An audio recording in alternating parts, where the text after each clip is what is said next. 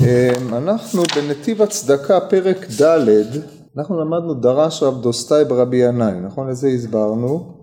הגענו עד אמ, אמר רבי יצחק מאי דכתיב מלווה השם חונן דל. הפסוק הזה הוא פסוק מעניין, מלווה השם חונן דל. זאת אומרת מי שהדרשן דורש פה, מישהו חונן דל הוא כביכול מלווה להשם.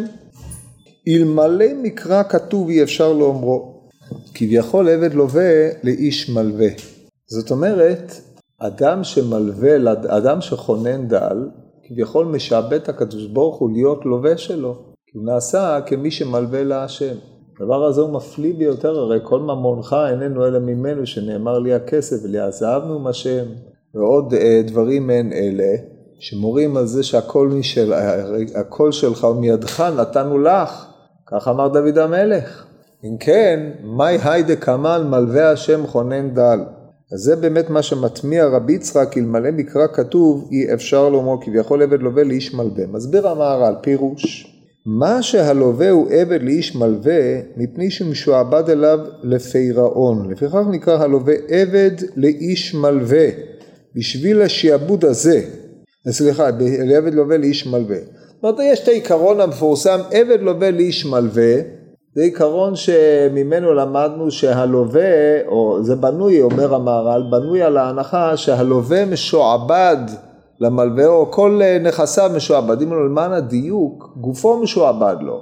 שהוא צריך להמציא לו מעות, אלא שהשעבוד הזה לא מגיע לרמת עבדות, כי ודאי ובוודאי אדם לא יכול למכור אה, אדם אחר לעבדות כדי לגמות ממנו נכסים שאין אדם נמכר אלא בגניבתו. ואדרבה, גם אומנם אה, אה, יורדים לנכסיו ומסדרים לבעל חוב, דהיינו מוכרים לו את כל הנכסים ומשאירים לו את המינימום, מבחינה זו יש בחינת עבדות של הלווה לאיש מלווה בגלל שכל נכסיו משועבדים לו. עכשיו בא הכתוב ואומר שהאדם האדם שכונן דל, דהיינו נותן לדל מתנת חינם, שזה בחינת חונן, הוא כביכול מלווה להשם יתברך. את מה שהשם יתברך היה צריך לתת לדל. זאת אומרת, מאחר שהדל הזה מוטל על השם יתברך לפרנסו, שהרי הוא בריאה מבריאותיו, אדם שעומד ומפרנסו, אז זה כביכול חוזר ותובע, כביכול חוזר ותובע, הוא מעמיד את הקדוש ברוך הוא כלווה דידי. אז זה מה שמסביר המהר"ל פה.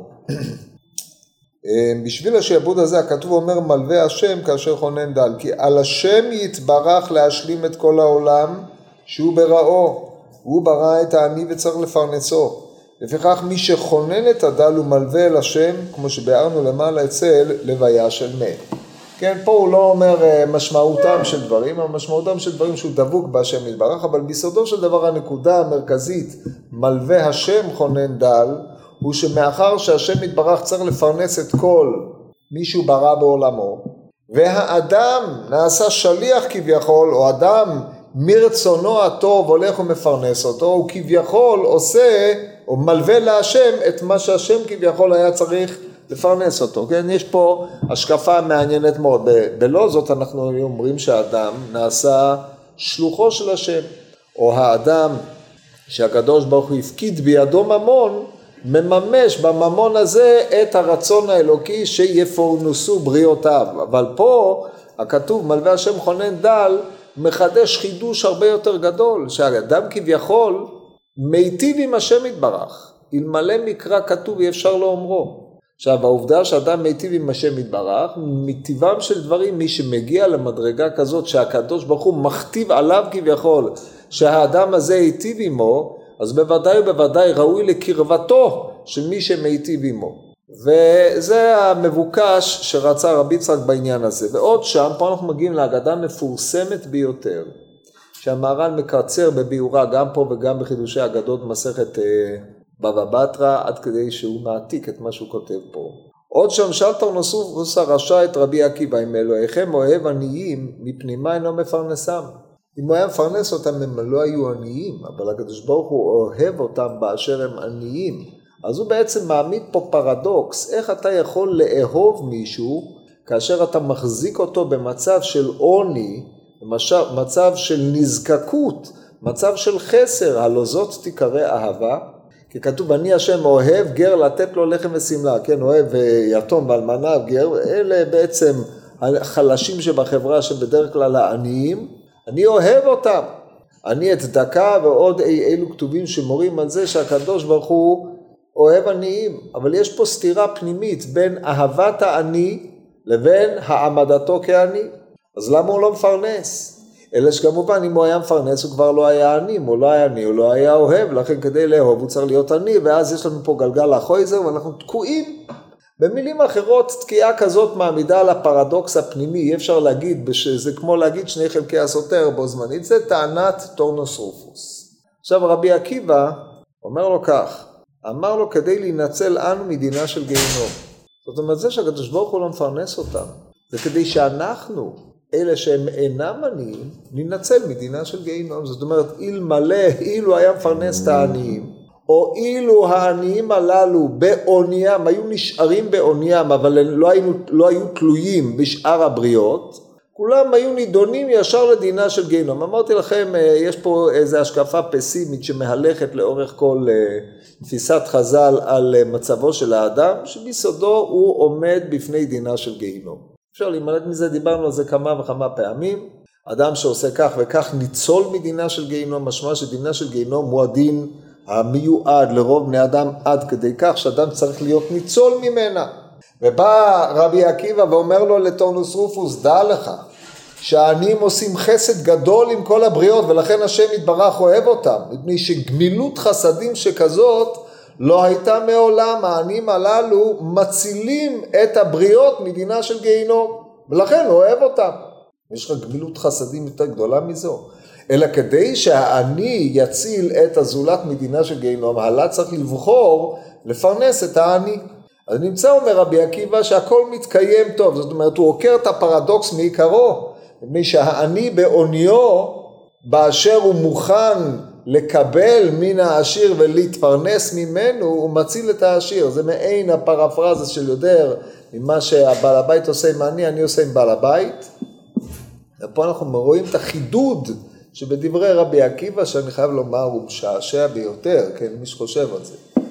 בסדר, זה מה שהוא ענה לו. אז על זה אומר לו, אמר לו, אדרבה, זו מחייבת לגיהינום. אמשול לך משל למה הדבר דומה למלך בשר ואדם שכעס על עבדו וחבשו בבית האסורים וגזר עליו שלא להאכילו ושלא להשקותו הלך אדם אחד ויחילו וישקעו כששמע המלך הלא כועס עליו, ואתם קרואים עבדים דכתיב כי לי בני ישראל עבדים. אומר לו טורנוס רופוס, ישמעו אוזניך מה שפיך מדבר. הרי העני הזה הוא בבחינת זעום השם. למה הקדוש ברוך הוא אוהב את העניים, אבל אחרי ככלות הכל, העני הוא במצב של מי שהקדוש ברוך הוא מנע ממנו פרנסה. יש פה הד להשקפה המופיעה אצל הברמינים ואצל המוסלמים, שמי שנמצא בדרגת עוני זה רצון האל, ואסור לשנות את המעמד שלו. ולכן יש להנציח את מעמדו של המסכן, מפני שזה מה שנגזר עליו, וכל ניסיון לשנות את מעמדו זה התערבות ברצון האל. כן, זה מה שעולה פה מדברי אה, טורנוס רופוס, הרשע. עם ישראל הם עבדים, הקדוש ברוך הוא גזר על קבוצת עבדים מסוימים ש... תחיה חיי עוני, מי אתה שאומנם נתנו לך חיי עושר, מי אתה שתשנה את גזירת האל? שומעים פה את תורת המעמדות בצורה מובהקת. איך רבי עקיבא נחלץ מהברוך הזה, איזה טענה, טענה נכונה או לא טענה נכונה? בוא, הרי מה, מה, יש פה בעיה. אם הוא אוהב אותם, אז הוא לא כעס עליהם ולא שם אותם בבית האסורים. זאת אומרת עכשיו, יש לנו פה לכאורה חזרה ממה שהנחנו קודם. איך רבי עקיבא עונה לדבר הזה? כי בעצם פה מה שטורנוס רופוס עשה, הוא זנח את הטענה הראשונה על אהבת עניים, הוא מציג את תופעת העוני כהיבט אחר. אם כל העולם היו עניים, אז כמובן אף אחד לא היה עני.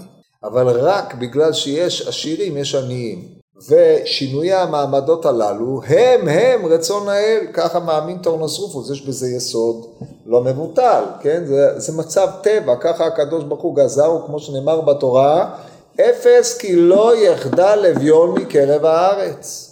אז אם זה מצב טבעי, הרי שזה הרצון הטבעי של האל, שככה העולם מתקיים. מי אתה שתתערב? האם בזה שמפרנסים את העניים, הם מפסיקים להיות עניים? האם בזה שיש עניים ועשירים, והעשירים דואגים לעניים, הם מפסיקים להיות עניים? האם, הרי אנחנו יודעים שאין הבור מתמלא מחולייתו. מכירים את הגמרא הזאת? מה, מה, זה, מה הפירוש שאין הבור מתמלא מחולייתו?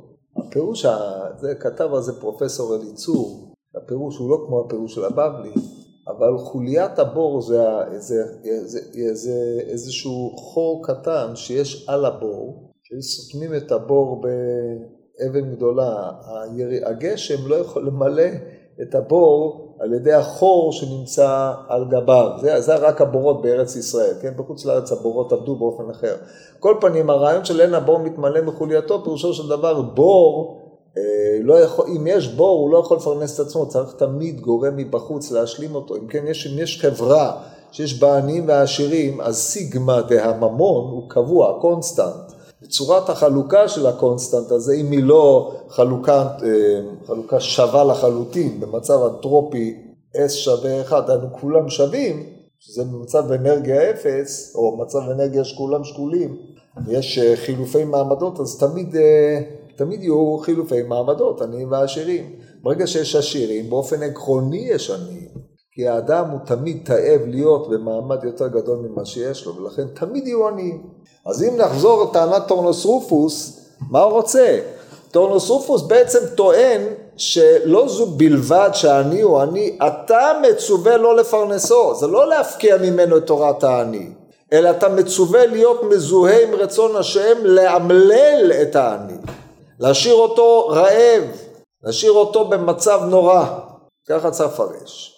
טוב, מה עונה לו רבי עקיבא? עכשיו רבי עקיבא צריך לענות לו לשיטתו בבחינת ענה כסיל כאיוולתו. למה הוא לא יכול להגיד את הפשט השני? הרי ישנם שני פסוקים במשלי, כן? אל תען כסיל כאיוולתו. זה כשאתה מדבר עם איזה אחד, אבל כשאתה מדבר עם טורנוס רופוס, אתה חייב לענות. אם אתה לא עונה, אתה כבר לא תענה לאף אחד, כן? לכן אין לך ברירה. אז הוא חייב לענות לו. אז אומר לו רבי עקיבא, אמר לו רבי עקיבא, אמשול לך משל למה הדבר דומה? למלך שכעס על בנו. בגלל זה הקדמתי את כל ההמלצה הזאת, כי הרי מלך שכעס על בנו הוא לא בבחינה, הוא אוהב את בנו, אבל עכשיו הבן שלו נמצא במצב של זעום, כעוס.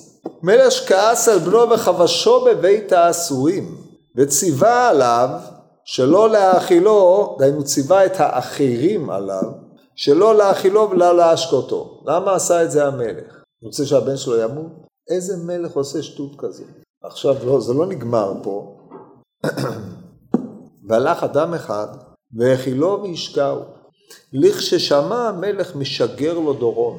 אז המלך, מה, מה נגמר איתו? אם הוא היה רוצה שיאכיל אותו וישקו אותו, אז הוא לא היה מצווה עליו לא להאכיל ולא להשקות. ואם הוא לא רוצה שיאכילו אותו וישקו אותו, אז וכי האדם, וכי בגלל שהוא בנו, הוא שונה הדין, מה, מה זה משנה? הרי כמו שהוא ציווה עליהם לא להאכיל ולא להשקות, הוא גם האחרים ממילא מצווים לו על האכיל ולא להשקות. מה הרוויח רבי עקיבא במשל שלו? אז פה כמו משלי המלך הרבים, יש לנו פה מציאות פרדוקסלית. זאת אומרת, בניגוד לטענתו של טורנוס רופוס, שהמציאות הטבעית של אפס לא יחדל אביון מקרב הארץ מורה על רצון האל, רצון האל כפי שמתבטאת במציאות הוא עניין פרדוקסלי, במובן הזה שיש בו דבר והפכו. וזה זה הנקודות העמוקות והחדות של תפיסת חז"ל. אני אתן לכם דוגמה אחת כדי שתבינו את הדברים האלה. פה זה, זה מובן מאליו, יש מישהו שלא הבין את הפרדוקסליות בעצם המשל הזה? מובן, נכון? עכשיו אתן לכם עוד משל. כתוב במדרש, זה מופיע בגמרא מסכת סוטה דף ל"ו, מחלוקת רבי מאיר ורבי יהודה על הפסוק אמ, שרי יהודה רגמתם, שרי זבולון, איך כתוב? שם בנימין צעיר רודם, שרי יהודה רגמתם, שרי זבולון, שרי נפתלי. אומר, מה זה אל תקראי רודם אלא רדיים. היינו בנימין, הם השבט, אה, כשעמדו ישראל על הים, כל שבט אמר אני יורד ראשון. כן, לא, לא במודל של נחשון בן המנהדם, זה תפיסתו של רבי יהודה אצל רבי מאיר, שבט, כל השבטים אמרו, אנחנו נהיה ראשונים למסור את נפשנו על גילוי כבוד שמיים בקריאת ים סוף. בנימין לא דפקו חשבון לאף אחד, קפצו ראשונים. התחילו שבט יהודה, רוגמים אותם באבנים, שנאמר שרי יהודה רגמתם. משל למה הדבר דומה, אומר רבי מאיר, למלך, שהיו לו שני בנים, אחד גדול ואחד קטן. את הבן הקטן הוא ציווה להעיר אותו בשעה שש בבוקר. את הבן הגדול הוא ציווה להעיר בשעה שמונה בבוקר. בא הבן הקטן להעיר אותו בשעה שש, התחיל הבן הגדול להכניס לו מכות. למה? כי אם הוא ציווה להעיר אותו בשעה שמונה, בכלל שעד שמונה דין הוא שהוא יהיה ישן, אבל אם יעירו אותו בשש, איך אפשר להעיר אותו עוד פעם בשמונה? אי אפשר להעיר אדם ער, כן? מתוך שהיו צוהבים זה בזה, דהיינו מתקדשים ביניהם, מתעורר המלך. אומר המלך לשניכם התכוונתי. זה מודל פרדוקסלי קלאסי. הצו האלוקי מתפרש הוא אחד בבחינת אחת דיבר אלוהים, שתיים זו שמעתי כי עוז לאלוהים. איך יכול להיות ששתיים שמעת? מפני שכאשר הצו האלוהי מתלבש בעולם הוא נתפס באופנים שונים על ידי בני אדם שונים. יש היבט פרדוקסלי בצווים האלוקיים, והפרקטיקה מאזנת ביניהם. אחד היסודות הגדולים בהרבה מאוד תופעות ב- ביהדות. אז כמו שזה שם כך, כי בנימין הבינו שזה מה שהם צריכים לעשות. ויהודה הבינו שזה מה שהם צריכים לעשות, ואם יהודה צריכים לעשות אז בנימין לא יעשו, ואם בנימין יעשו, אומר המלך את זה אני רוצה, את המסירות נפש הזאת אני רוצה. אשר על כן גם פה משתמש רבי עקיבא באותו אלמנט פרדוקסלי. הוא בן, המלך רוצה שהבן שלו יתקיים, אבל מאידך גיסא הבן שלו צריך לעמוד באיזושהי דרישה או באיזשהו צו לא להאכיל אותו ולא להשקות אותו. העני הוא הבן אבל העני צריך להיות עני, ואם אף אחד לא יפרנס אותו הוא גם לא יהיה בן, אבל המלך רוצה שהוא יהיה בן ורוצה שהוא יהיה עני. איך יתקיימו שתי המקראות הסותרים? יבוא מקרא שלישי ויכריע. מהו המקרא השלישי? הרצון הטהור של האדם מבחוץ לזון אותו. ואם כן הפתרון לפרדוקס הזה הוא פנייה אל היוזמה האנושית, תבחר לעשות מה שאתה מבין שהוא נכון. ופה הנקודה שרבי עקיבא עוקף בה את טורנוס רופוס. טורנוס רופוס בעצם עבד הטבע, עבד מה שהוא מבין מן הטבע. ואילו רבי עקיבא אומר שהקדוש ברוך הוא מטיל על האדם התבוננות שהיא עצמאית, התבוננות שכל עניינה לא, לא אה, להנציח מצב כלשהו, אלא לתקן מצב, שהוא מצב פרדוקסלי. אז הוא אומר באמת, אילו היינו עבדים, אתה צודק, אבל אנחנו בנים. המלך מתייחס אל הבן אחרת מאשר מתייחס אל העבד. ומאחר שאנחנו בנים, ההתייחסות של המלך אל הבן היא פרדוקסלית. ולכן היא מטילה עלינו למצוא את הפתרון. זה הגאונות של רבי עקיבא בממשלות. טורנוס רופוס עמד בהלם מהביאור הזה, שהוא לא רגיל לחשיבה כזו. טוב, ואז בא רבי עקיבא, הרי הוא הביא לו ראייה, אתם קרואים עבדים, שנאמר כי לי בני ישראל עבדים. טוב, אמרת שהם קרואים בנים. אבל הם גם קרויים בנים וגם קרויים עבדים, אז איך נדיין נדיין אלך דינא? אומר רבי עקיבא, אמר לי אתם קרויים בנים, אז אומר לו טורנוס רופוס, אתם קרויים בנים ואתם קרויים עבדים. בזמן שאין אתם עושים רצונו של מקום קרויים עבדים, עכשיו אין אתם עושים רצונו של מקום. אז אומר לו, כל זה היה נכון שאתם הייתם קרויים בנים. מתי זה היה? בזמן ש... יד ישראל הייתה תקיפה על עצמן, או תקיפה, דהיינו עם ישראל היה בשלטון, אבל ברגע שהם יצאו לגלות, נעשו עבדים. עכשיו שאתם עבדים, אדרא משלי לדוכתא ואז למשלה דידך. הקדוש ברוך הוא שילח אתכם והעמיד אתכם כעבדים. אתם בני השפחה מעתה, ואנחנו נהיינו בני הגבירה, אנחנו הבנים. אמנם טורנוס רופוס אה, עוד לא היה בתקופת קבלת הנצרות שם, אבל הדים לפולמוס הנוצרי-יהודי, אתם יכולים לשמוע גם פה. יש מישהו שלא הבין על מה אני מדבר? אין. הלאה. ואנחנו לא נאריך בזה. טוב, אומר לו רבי עקיבא, פתרון. הרי הוא אומר, כתוב בפסוק הלוא פרוס לרעב לחמך ועניים מרודים תביא בית, כי תראה ערום וכיסיתו מבשרך לא תתעלם. מה פירוש עניים מרודים תביא בית? אני מרוד. מרוד זה בעצם אה, זרוק. עכשיו תראו איך הוא מפרש את הפסוק. אמר לי, הרי הוא אומר הלא פרוס לרב לחמך ועניים מרודים תביא בית. אימתי עניים תביא, מרודים תביא בית? בזמן הזה וכאמר הלא פרוס לרעב לחמך.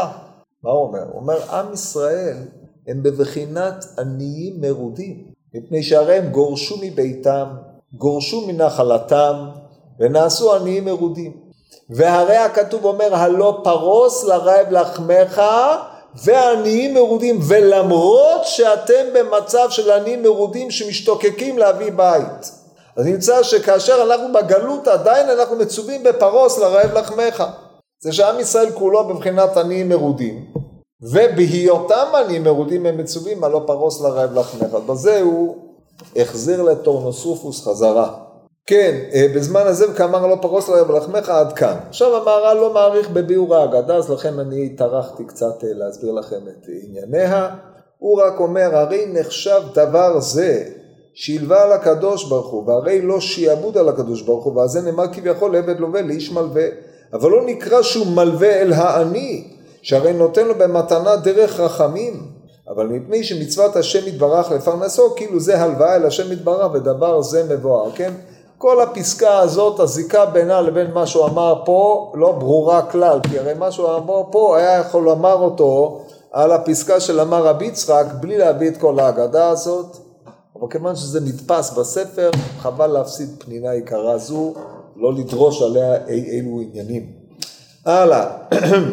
דרש רב יהודה בר שלום, כשם שמזונותיו של אדם קצובים לו מראש השנה, כך חסרונותיו קצובים לו מראש השנה. זאת אומרת, בראש השנה נקצבים כמה מזונות יהיו לו וכמה ממון יהיה חסר לו. כמו הבדיחה המפורסמת במעשה שהיה, כך היה. היה, התפללתי פעם, התפלל עם חסידים, פרופסורים, שכולם חסידים. מהי חסידים? כשיש יורצייט לאיזה רבה לא אומרים תחנון, ואני ליטבק, מה אני אעשה? אם הם לא אומרים תחנון, מה, צריך להגיד תחנון, אמרתי להם, כתוב ברוך השולחן, או, זה יורצייט. והיה שם אחד ממונה שלו, נזכיר את שמו, פרופסור מפורסם, ממונה על כל היורצייטים. ומאיפה ידע את זה? מספר מליצה יש, כן? לא משנה. בקיצור, הגיע הזמן, אחרי אה, חזרת השץ, דופק, היום היורצייט של הרבי הזה, תחנו. טוב, אז uh, בסוף התפילה, אתה לא יכול לעשות יורצייט לרבה בלי לשתות קצת ברומפון, משהו, אה, חיות הנפש, אחרי כך לא את הכל. אז בסוף התפילה בא איזה אחד מהם אומר לו, נו, אתה אולי תשתה. אז אמרתי לו, לא, אני לא רגיל. אז הוא אומר לך, בוא אני אומר לך משהו. כמות האלכוהול השנתית קצובה לו לאדם מראש השנה לראש השנה. יש כאלה ש... שמממשים את זה ב... לחיים ודברים כאלה, ויש כאלה שעושים בזה קומפרסים, אז מה אתה מעדיף? אתם יודעים מה זה לעשות בזה קומפרסים? אז מה אתה מעדיף? הדרך קומפרסים זה לצורכי רפואה. הוא אמר, תנצל את זה, תשתה, זה יורד מהחשבון, וככה. טוב, לגופו של עניין, או האם נחזור פה, חסרונותיו של האדם קצובים לו מראש השנה עד ראש השנה. לא יודע מה תצטרך לשלם, מיסים, פתאום יהיה לך איזה חלילה דבר כזה או דבר כזה וכמות ההוצאות, זה גם קצוב לך. עכשיו, זה, הכמות קצובה לך, מה תעשה עם זה, איך, איך זה יחולק, זה תלוי בך. אומרת הגמורה, זכה, הלא פרוס לרעב לחמך. זאת אומרת, החסרונות שלו הוא מוציא בצדקה. ואז לא זו בלבד שהח... שזה לא חיסרון, החיסרון הזה הופך להיות לו ליתרון. למה? כי מלווה השם. לא זכה ועניים מרודים תביא בית. זאת אומרת, הדבר הזה הופך להיות חיסרון שלו. כי הא דבני אחתא דרבי יוחנן בן זכאי חזלו בחלמא דבאו מחסר שבע מאות דינרים. ראה רבן יוחנן בן זכאי בחלומו שבני אחותו יצטרכו במהלך השנה הזאת לחסר שבע מאות דינרים, זה כמות עצומה של כסף למעמד הכלכלי של הימים ההם. מה הוא עשה? עשינו, ושקל מנהל לצדוקה. בא אליהם, הפעיל את מלוא השפעתו, מלוא שיעור חשיבות קומתו, והוציא מהם קרוב לשבע מאות דינרים לצדקה. בכוח, עשים, כפה אותם, כפה אותם בדברים כמובן, כמו שגמר בכתובות בנון מתארת, אבל הוא כפה אותם, הם שילמו צדקה. טוב, פש גביו שיפסר דינרי, זאת אומרת הוא הוציא מהם 683 דינרים ונשארו 17 שלא הושלם כפי שהוא ראה בחלומו. כמעט אמר ליומא דכיפור שדא דבי קיסר שקלינו. ערב יום הכיפורים מקבלים מברק להתייצב בבית הקיסר. הם, שם אתה לא יודע אם אתה נכנס, אתה יודע אם אתה נכנס, אתה לא יודע אם אתה יוצא ועם מה אתה יוצא. בקיצור, הם הגיעו לשם, אמר להם אל תדאגו, הכל בסדר, 17 שקל, 17 דינרים ייקחו מכם וישחררו אתכם. ואכן, למרבה הפליאה, כך היה. אמר להם רבן יוחנן בן זכאי לא תתחילי שיבשר דינרי גבייכו שקלינו מעינייכו. אמר לי מנה ידעת? איך אתה יודע?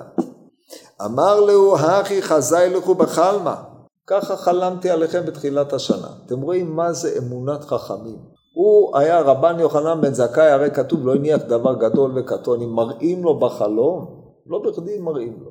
הוא מאמין למה שמראים לו בחלום, אמונה שלמה עד כדי כך שכופה אותם משלם 600 דינרים בפלוס, 700 דינרים. כי הוא יודע שזה אמת, לא בכדי הודיעו לו. אז הוא אומר להם, כן, זה מה שיהיה, תדעו לכם, אין לכם מה לדאוג. אז הם אומרים לו, אבל רבנו, למה לא סיפרת לנו את זה מראש? היינו נותנים לך את הכסף בשמחה עצומה? אמר לו, אחי חזאי לך, אמרו לי, עמי לא אמרת לנו דנתבינו? היית אומר לנו, היינו נותנים את זה. אמר לו אמינא כי איכי דתעבדו מצווה לשמה. לא נפלא הדבר הזה?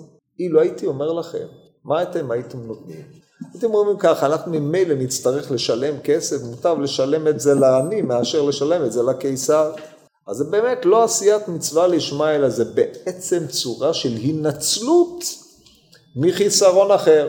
או זה לקחת את החיסרון שממילא צריך לבוא עליי, ולעשות איתו כך ולא כך. אבל עכשיו שלא ידענו, וכפית אותנו לתת את הצדקה, וכאשר אנחנו נתנו אותה, נתנו אותה בבחינת כופין אותו עד שיאמר רוצה אני, ויש בזה נתינת רצון, זה נחשב לשמה, בלי שום חשבוינס. כי לא חלום, ידענו על החלום שלך וכו' וכו'. כן. זה מתקשר לדרשה של לא זכה ואני מורידים תביא בית. זה רק כאילו, הסיפור בא להסביר, אבל לא... זה נתפס, אני מורידים תביא בית פה הובא בגלל האגדה הקודמת, אבל זה מתפרש באופן אחר.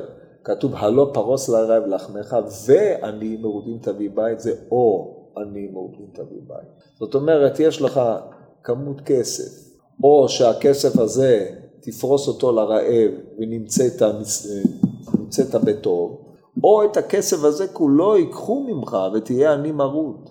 אז זה מה שהוא דורש פה, ברור? אה, כן, ובפרק הבא לבהמתו האוהב את שכניו והמקרב את קרוביו והנושא את בת אחותו והמלווה צלע לעני בשעת דוחקו עליו הכתוב אומר אז תקרא והשם יענה תשבע ויאמר הנני. פה תנ"ך. בקיצור זה מופיע בישעיהו בפרק נ"ח בהפטרה של יום הכיפורים. אז תקרא לא פרוס לרב לחמך ואני מעובדים תביא בית כי תראה עירום וכיסיתו מבשרך לא, אל תת, לא תתעלם, ואז כתוב, אז תקרא והשם יענה תשבע ויאמר הנני. אומר המהר"ל, דבר זה צריך פירוש. מה עניין זה לזה אז תקרא והשם יענה? באמת, אז יש לנו פה אוהב את שכניו, מקרב את קרוביו, נושא את בת אחותו, ומלווה סלע לעני בשעת דוחקו, על זה כתוב אז תקרא והשם יענה. השאלה של המהר"ל היא, הרי זה בעצם שאלה שעולה מן הכתובים עצמם, הלא פרוס לרב לחמך ועניים יהודים תביא בית, כי תראהו מכיסיתו, מבשרך לא תתעלם, מבשרך לא תתעלם, אומרת הגמור זה הנושא בת אחותו, אז תקרא. ואם אני לא אעשה את הדברים האלה, אם, למה, אני, למה אם אני אקרא הוא לא יענה? לא נזדמן לו לאדם, למה זה תולה בזה? יש לך לדעת כי ראוי שיהיה אדם דבק ומחובר על השייכים אליו, וכל אלו שייכים אל האדם. כמלווה להניס סלע בשעת דוחקו הוא הצד שראוי להלוות לאחיו כאשר הוא צריך לו מאוד, שכל מצוות הצדקה וההלוואה מפני שהוא אחיו.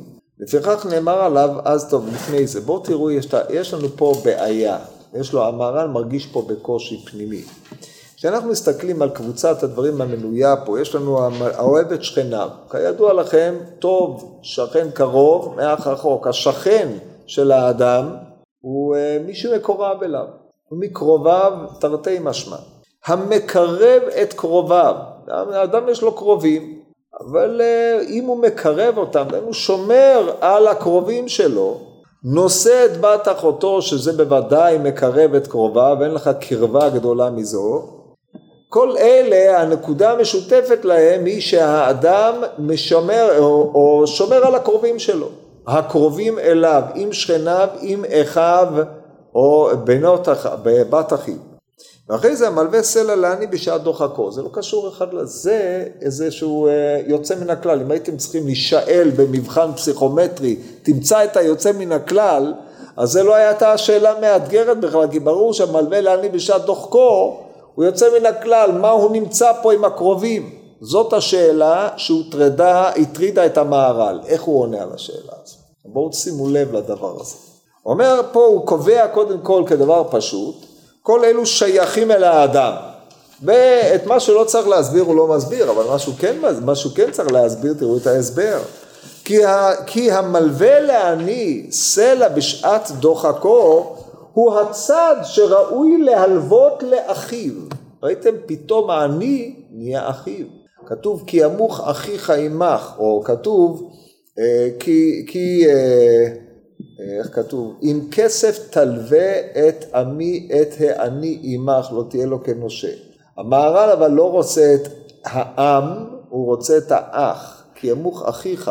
אז הוא אומר כאשר אני מבני ישראל הוא בשעת דוחקו, אז הוא נמצא, הוא, ואתה מודע לדבר הזה, אז בתור אח, האחווה שלך אליו מתחזקת כאשר אתה מלווה לו את הסלע.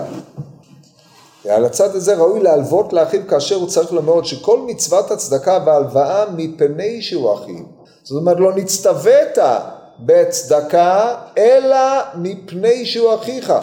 בבחינת כי ימוך אחיך עמך וכו' וכו', במקום שם כתוב נמכר לך, ואז בעצם יוצא שההלוואה מחזקת את האחווה העלומה הקיימת ביניהם, והיא הופכת, מוציאה את האחווה הזאת מן הכוח אל הפועל. אז כאשר יש כבר איזשהו סוג של אחווה או קרבה, כל מה שאתה צריך לעשות זה לקיים אותה. אבל צדקה יוצרת או מוציאה מן הכוח אל הפועל אחווה שהיא כביכול אחווה סתומה. לפיכך נאמר עליו אז תקרא והשם יענה. איך? עכשיו הוא חוזר לשאלה מה העניין זה לזה. כדכתיב מגוי גדול אשר לא אלוהים קרובים אליו, כאשר אלוהינו בכל קוראינו אליו. כאשר האדם מקרב את קרוביו ושכניו, אז השם יתברך גם כן קרוב לו, כשם שהוא מקרב את השייכים לקרב אליו, כך השם יתברך קרובו. כדכתיב מגוי גדול אשר לא אלוהים קרובים אליו. מה עומד ביסוד החשיבה הזאת? מה הרעיון שגלום בדברי המהר"ל הללו? אז זה, זה הדבר הזה מופיע הרבה מאוד פעמים. אומר המהר"ל, מושג הקרבה בכללותה, תופעת הקרובים, היא איננה איזושהי תופעה ביולוגית טבעית בלבד, מפני שהרי יש בה יסוד ברגש האנושי, ואם אלה קרובים שלך, אז אתה צריך לשמור אותם בתור קרובים, יש עניין לטפח את אותה קרבה. אותה קרבה היא זו שיכולה להעמיד אחרי זה דור ישרים מבורך וכיוצא בדברים האלה, לכן אדם חייב לקרב את קרוביו. וכיוון שאדם מקרב את קרוביו הוא הולך במידתו של מקום מגוי גדול אשר לא אלוהים קרובים אליו כי עם ישראל הוא קרובו של השם אם אתה נוהג עם הקרובים אליך במידת הקרבה אז השם נוהג איתך במידת הקרבה מידה כנגד מידה. זה מודל קלאסי במערב. ובמדרש אמר הקדוש ברוך הוא לישראל קרובכם אני שנאמר אשר לא אלוהים קרובים אליו, כן, המושג קרוב פה הוא דו משמעי, כן, קרוב, זה שממהר לשמוע תפילתו, כמו שהרמב"ם אומר בהלכות תשובה בפרק ב', על הפסוק דירשו השם בהימצאו קראוהו בהיותו קרוב, אומרת הגמור האלו עשרה ימים שבין ראש השנה ליום הכיפורים, אה, במה הוא קרוב יותר אז? מפני שאז תפילתו של האדם נענית. וזה, אז תקרא והוא יענה, זה עניינה של הקרבה. אבל הוא קרוב ושומע תפילתך מפני שהוא קרוב. דהיינו מפני שיש קרבה בינך לבינו כי אנחנו בנים להשם יתברך ואם אנחנו הולכים במידותיו של מקום עושים את רצונו של מקום אז אנחנו מוצאים מן הכוח לפועל את הבנאות הזאת את הקרבה ולכן הקדוש ברוך הוא נוהג איתנו מידת הקרבה, שאצלו מתבטאת באז תקרא והוא יענה.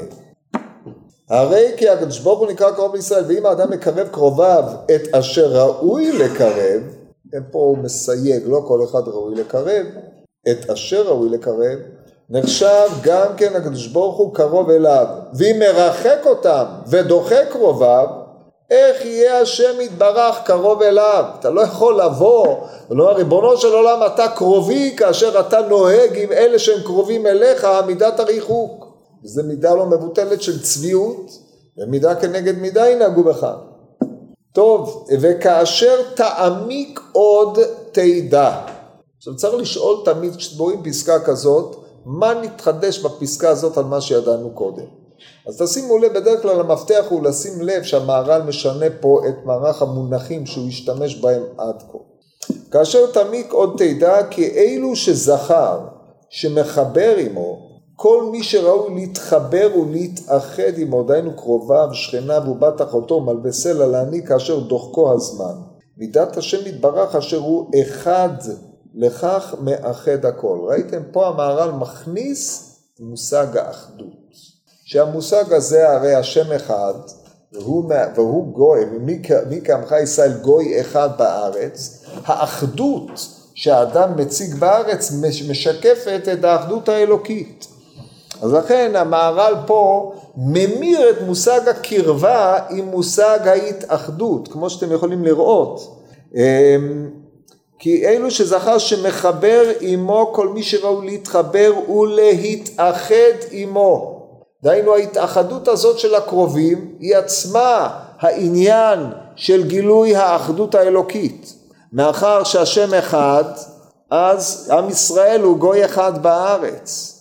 אז יש, לכל אחד יש קרובים, והקרובים הללו מתאחדים, עד שעם ישראל כולו מתאחד, אבל האחדות על כללות האומה מתחילה באחדות של האדם עם קרוביו, עם מי שנזקק לו, הוא מאחד אותם אליו, זה משקף את האחדות האלוקית. לכן פה הוא נוטש את משמעות הקרבה במובן שדיברנו עליה קודם, ועולה לרמה יותר גבוהה, שזה גילוי אחדותו של השם יתברך בעולם. מידת השם יתברך אשר הוא אחד, לכך מאחד הכל.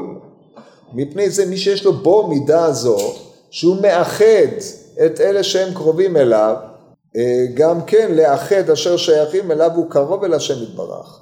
מפני שהוא באיחוד הזה מגלה את אותה אחדות אלוקית שיש בעולם. ולכך נאמר עליו אז תקרא והשם יענה כדכתיב מגוי גדול אשר לא אלוהים קרובים אליו והקרבה אל עם ישראל באשר עם ישראל משקף את האחדות האלוקית.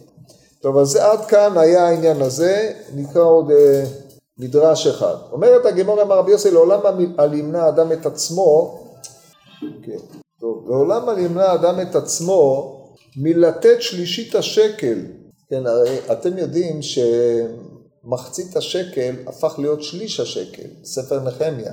כן, והגמרא עושה עם זה חשבונות על, על האיסוף שהיה לסלע, שעבר מלהיות 20 גרה ל-24, כמו ש-24 מה הכסף. מי שלמד מסכת קידוש דף י"ב יודע על הדברים האלה, או ירושלמי שקלים, גם שם זה מופיע, וגם בבבלי זה מופיע, בעירובים, בפ"ג ועוד כמה מקומות. זה שינוי, השינוי המוניטרי. כל פנים, כתוב שם אה, בספר, בספר נחמיה, והעמדנו עלינו מצוות לתת עלינו שלישית השקל בשנה לעבודת בית אלוקינו. פירוש, האדם יש לו שלושה חלקים, הגוף, הנפש והממון. טוב, אנחנו נראה את זה בעזרת השם בשבוע הבא.